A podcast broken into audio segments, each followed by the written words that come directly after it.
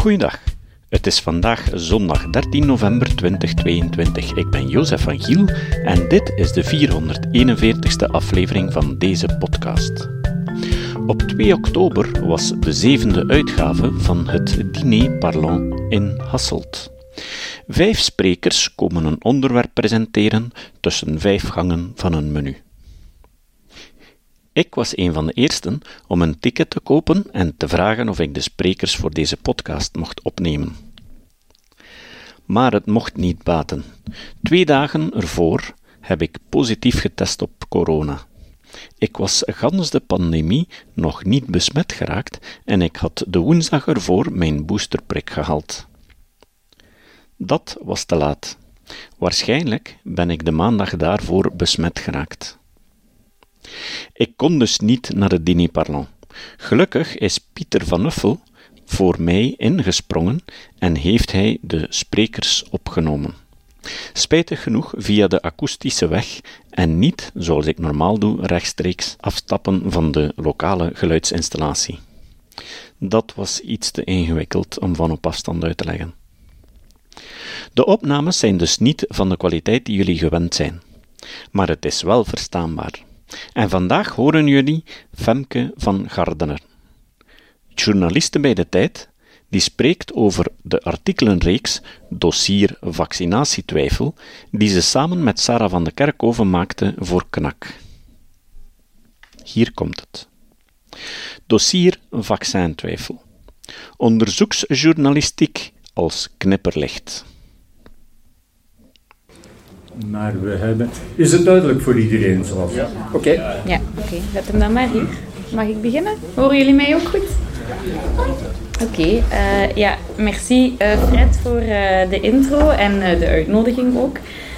zoals jullie gehoord hebben, ik ben Femke van Garderen. Ik ben op dit moment journalist voor De Tijd.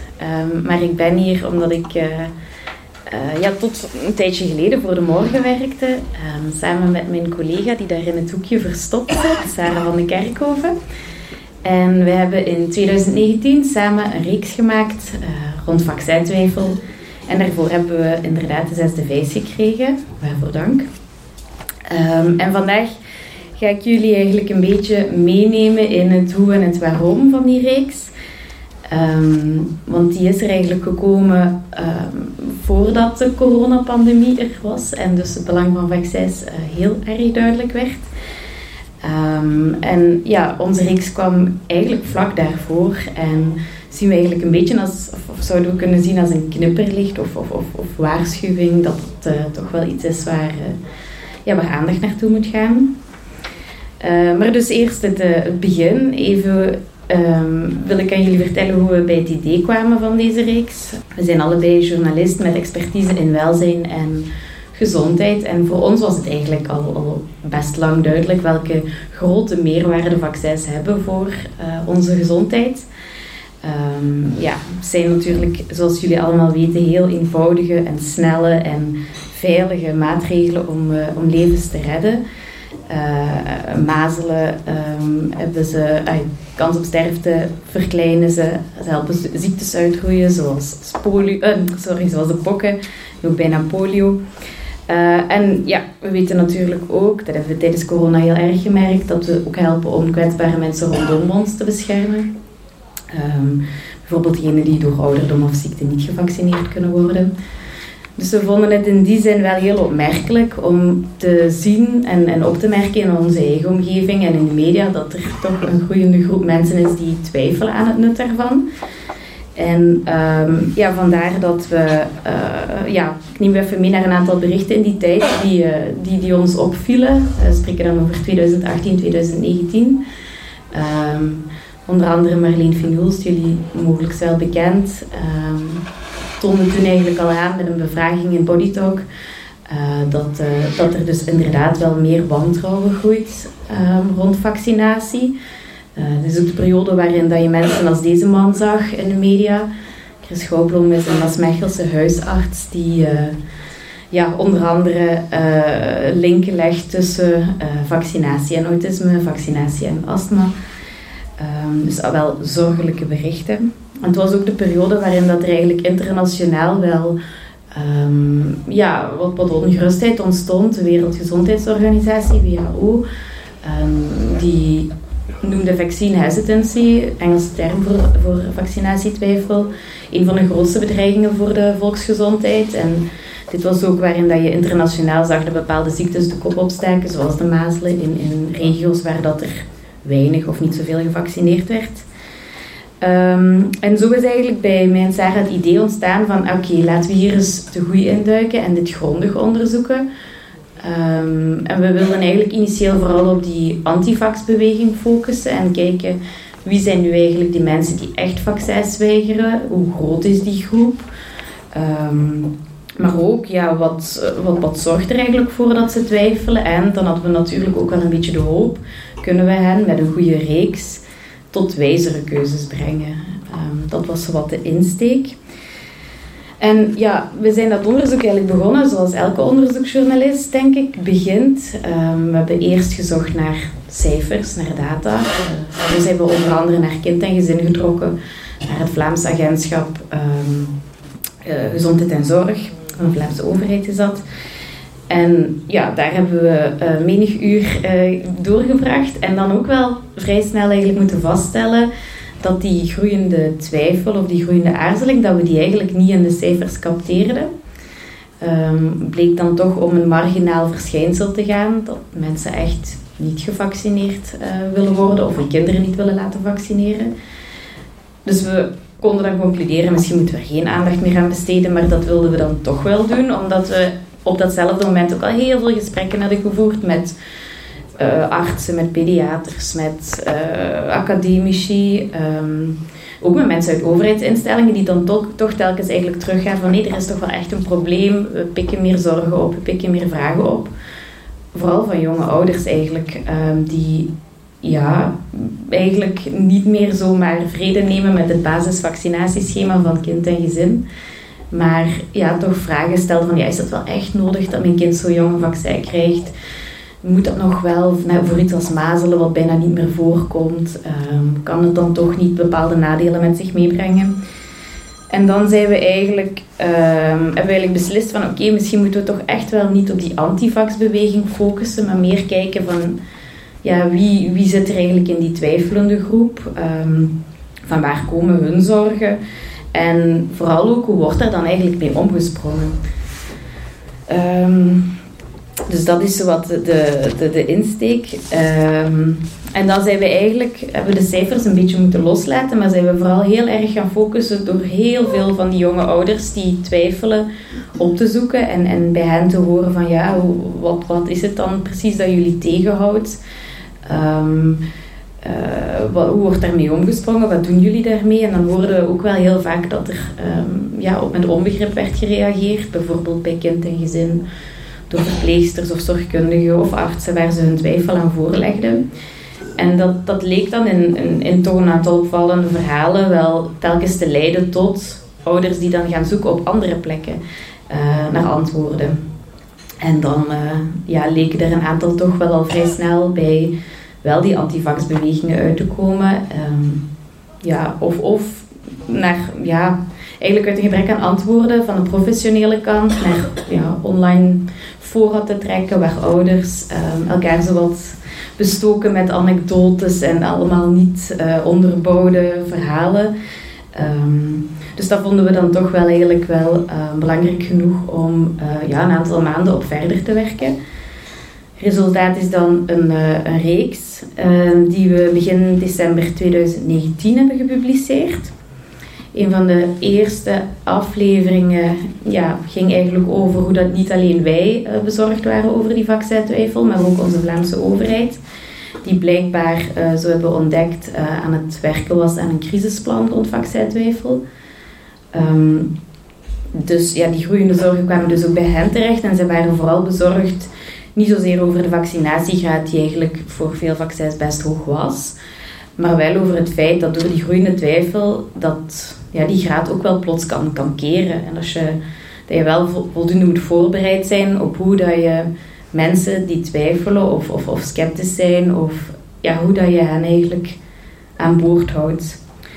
Ehm, dus daar hebben we een van onze eerste artikels aan gewijd. Ehm, het tweede artikel zoomde eigenlijk veel meer in op hoe dat je als jonge ouder niet echt ja, geholpen wordt. Um, we, ja, we hoorden eigenlijk vaak terugkomen van als ik hier met kinderen en gezin over wil praten, dan, ja, dan, dan krijgen we toch niet de antwoorden die we nodig hebben of worden we een beetje onder druk gezet om het basisvaccinatieschema te volgen of wordt het zo'n beetje weggewuifd.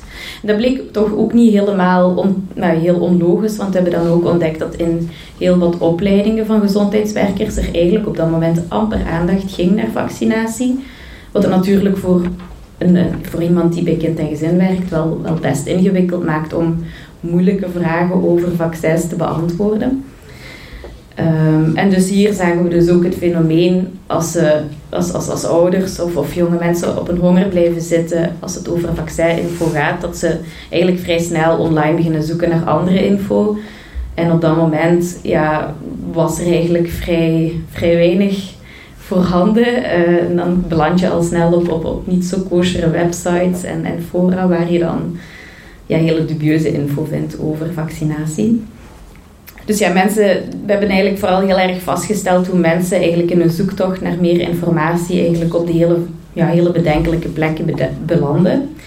Uh, dat kan online zijn, zoals ik net beschreef. Hè, als je info zoekt over uh, vaccins, um, beland je eigenlijk al vrij snel bij organisaties als Critis Spreken of um, preventie vaccinatieschade. Uh, dat zijn ook echte antivaxbewegingen. Dus natuurlijk de info die je daar vindt is heel... Ja, heel, heel eenzijdig. Um, en wij zijn dan eigenlijk verder gegaan. We hebben eigenlijk een aantal van die twijfelende ouders um, gevolgd. Voor een deel gezien uh, dat ze dus inderdaad online hun informatie zoeken en daar ook wel ja, echt ja, hun weg proberen te zoeken in hele bedenkelijke pseudowetenschappelijke informatie. Tegelijkertijd, en dat vonden we wel heel opvallend, daarvoor vonden we het ook wel gerechtvaardigd om undercover te gaan zijn we gaan zoeken naar, of ja, zijn we de ouders gevolgd die eigenlijk offline informatie gaan zoeken. En eigenlijk naar bijeenkomst trekken waar ze hun vragen kunnen voorleggen aan zogenoemde experts. Um, Sarah en ik zijn zo als onderbom van jonge ouder naar Wiekenvorst getrokken. Het is een uh, dorpje in de uh, provincie Antwerpen waar, uh, waar ja, op, een, op een wel bepaalde dag dus uh, de waarheid over vaccins verkondigd zou worden. Gebeurde in een klein louche ontmoetingscentrum. Maar tot onze verrassing was daar, uh, zaten daar dus niet alleen maar complotdenkers of, of, mensen waarvan je denkt... Oh, dat, dat zijn echte antivaxers. nee, nee, er zaten dus ook effectief wel gewoon zoals wij toen, jonge ouders, maar dan ouders die twijfelen en zoeken naar antwoorden. En ja, die, die, ik raad u zeker aan om, uh, om het artikel misschien nog eens terug te lezen. Het is wel heel, uh, wordt er echt met hele bedenkelijke info plot, plat gebombardeerd. Uh, hele emotionele berichten. Enfin, heel moeilijk om daar plots uit het, naar, naar vaccinatie na te neigen na zo'n dag. plant dus effectief wel snel in het neekamp als je daarin wordt ondergedompeld. En dan vooral, ja, het artikel dat ik hier toon gaat over... Um, ja, ook wel de bedenkelijke vaststelling. Er is een van de artsen daar aanwezig die ook eigenlijk um, ja, zelf er ook actief toe bijdroeg om mensen niet uh, te laten vaccineren door een voorstel te doen om een attestje te maken waarmee dat je dan kan voorkomen dat je kind het verplichte poliovaccin, ja, dat je daar aan kon ontsnappen met een attest van hem. Wat natuurlijk uh, meteen ook onder de aandacht van de orde der artsen is gebracht. Enfin, dit was een van de zaken die we daar hebben, hebben vastgesteld. En ik denk in het laatste deel van onze reeks hebben wij meer gefocust op, de, op het al dan niet verplichten. Wat we eigenlijk vaststelden was dat die verplichting in ons land in elk geval niet echt veel verschil maakte. Er zijn natuurlijk wel een aantal honderden ouders die aan dat verplichte poliovaccin ontsnappen. Uh, maar daar wordt eigenlijk heel weinig gevolg aan gegeven. In een heel uitzonderlijke gevallen komt er eens een veroordeling van, maar dat gaat dan over een paar honderd euro's en dat nemen die mensen er gewoon bij. En dan in de, in de laatste deel van de reeks hebben we ook eigenlijk wat meer het internationale perspectief gebruikt en gekeken wat, ja, hoe andere landen tegenover verplichting stonden op dat moment. Maar vooral ook met internationale experts gesproken, als Heidi Larsen, die eigenlijk ook wel aangeven, verplichting is in, in deze niet echt een hele interessante piste, omdat je de, ja, het draagvlak natuurlijk wel voor een deel kan verkleinen daardoor. Dat, dat was wat de reeks die we, die we hebben gemaakt en die de mensen van Skep dus was opgevallen. En dat, uh, dat was dus voor corona. Uh, oei, ja, dus uh, dan, dan ineens dook er een paar maanden na de publicatie van onze reeks een virus op daar, waar we vandaag nog allemaal over spreken en die ons leven toch nog voor een deel bepaalt. En ook daar hoorden we dus vrij snel dat het ja, vaccins zijn die ons uit de pandemie zouden moeten helpen. En ja, we werden er natuurlijk niet heel erg over verrast, uh, gezien onze reeks, maar vrij snel eigenlijk in die pandemie hoorde je ook al diezelfde twijfel bij een veel bredere groep van mensen um, opduiken.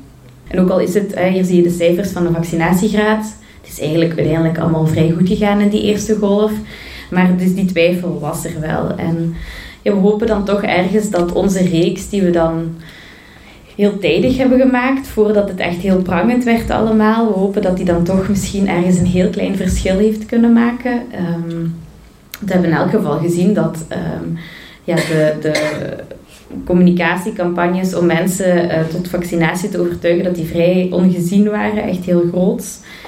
En ja, we hopen dat onze reeks dan toch uh, een aantal mensen wel um, ja, op voorhand heeft kunnen, kunnen waarschuwen of kunnen aantonen hoe belangrijk die vaccinatie is.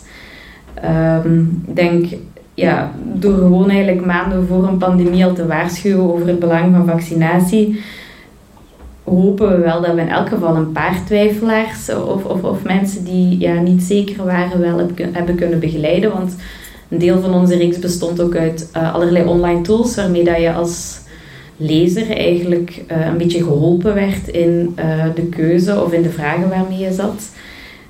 En we hopen eigenlijk ook wel dat we ja, toch een aantal beleidsmakers um, ja, uh, alert hebben gemaakt en achteraf ook hebben geïnterpelleerd over het uitblijven van dat plan rond vaccintwijfel.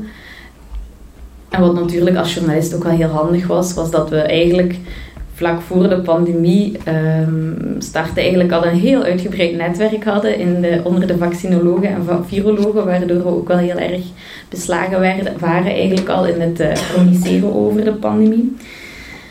Dus ja, dus uh, toont wel aan, denk ik, in welke mate dat uh, onderzoeksjournalistiek niet alleen ja, op dingen moet, niet misschien op de meest dramatische zaken moet focussen, maar eigenlijk ook vooraf echt wel ja, van belang kan zijn als, als, als waarschuwing, als knipperlicht. Uh, en dan even naar vandaag. Uh, we zien vandaag dat uh, corona nog lang niet weg is. Wacht ons allemaal een nieuwe vaccinatieronde. En je ziet natuurlijk ook nu weer, ondanks de hoge vaccinatiegraad um, vorig jaar, dat er toch weer opnieuw die twijfel opduikt. Dat er toch weer mensen zijn die bezorgd zijn dat mensen geen derde of vierde keer geprikt willen worden.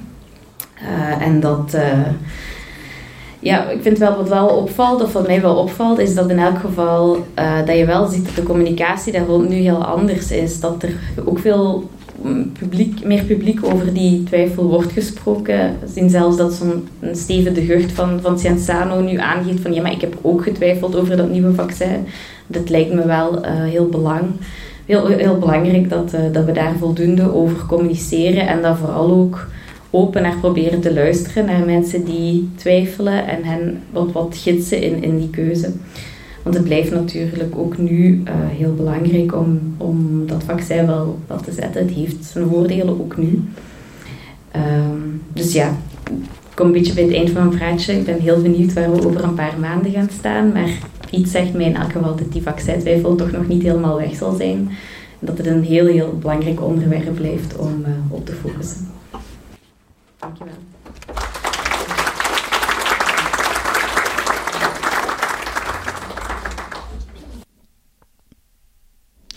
Volgende keer horen jullie het vervolg door Sarah van de Kerkhoven. Het citaat. Het citaat van vandaag komt van Hans Rosling. Rosling zei: Wanneer we nieuw bewijs aangeboden krijgen, moeten we altijd bereid zijn vraagtekens te plaatsen bij onze eerdere aannames, te heroverwegen en ongelijk toe te geven.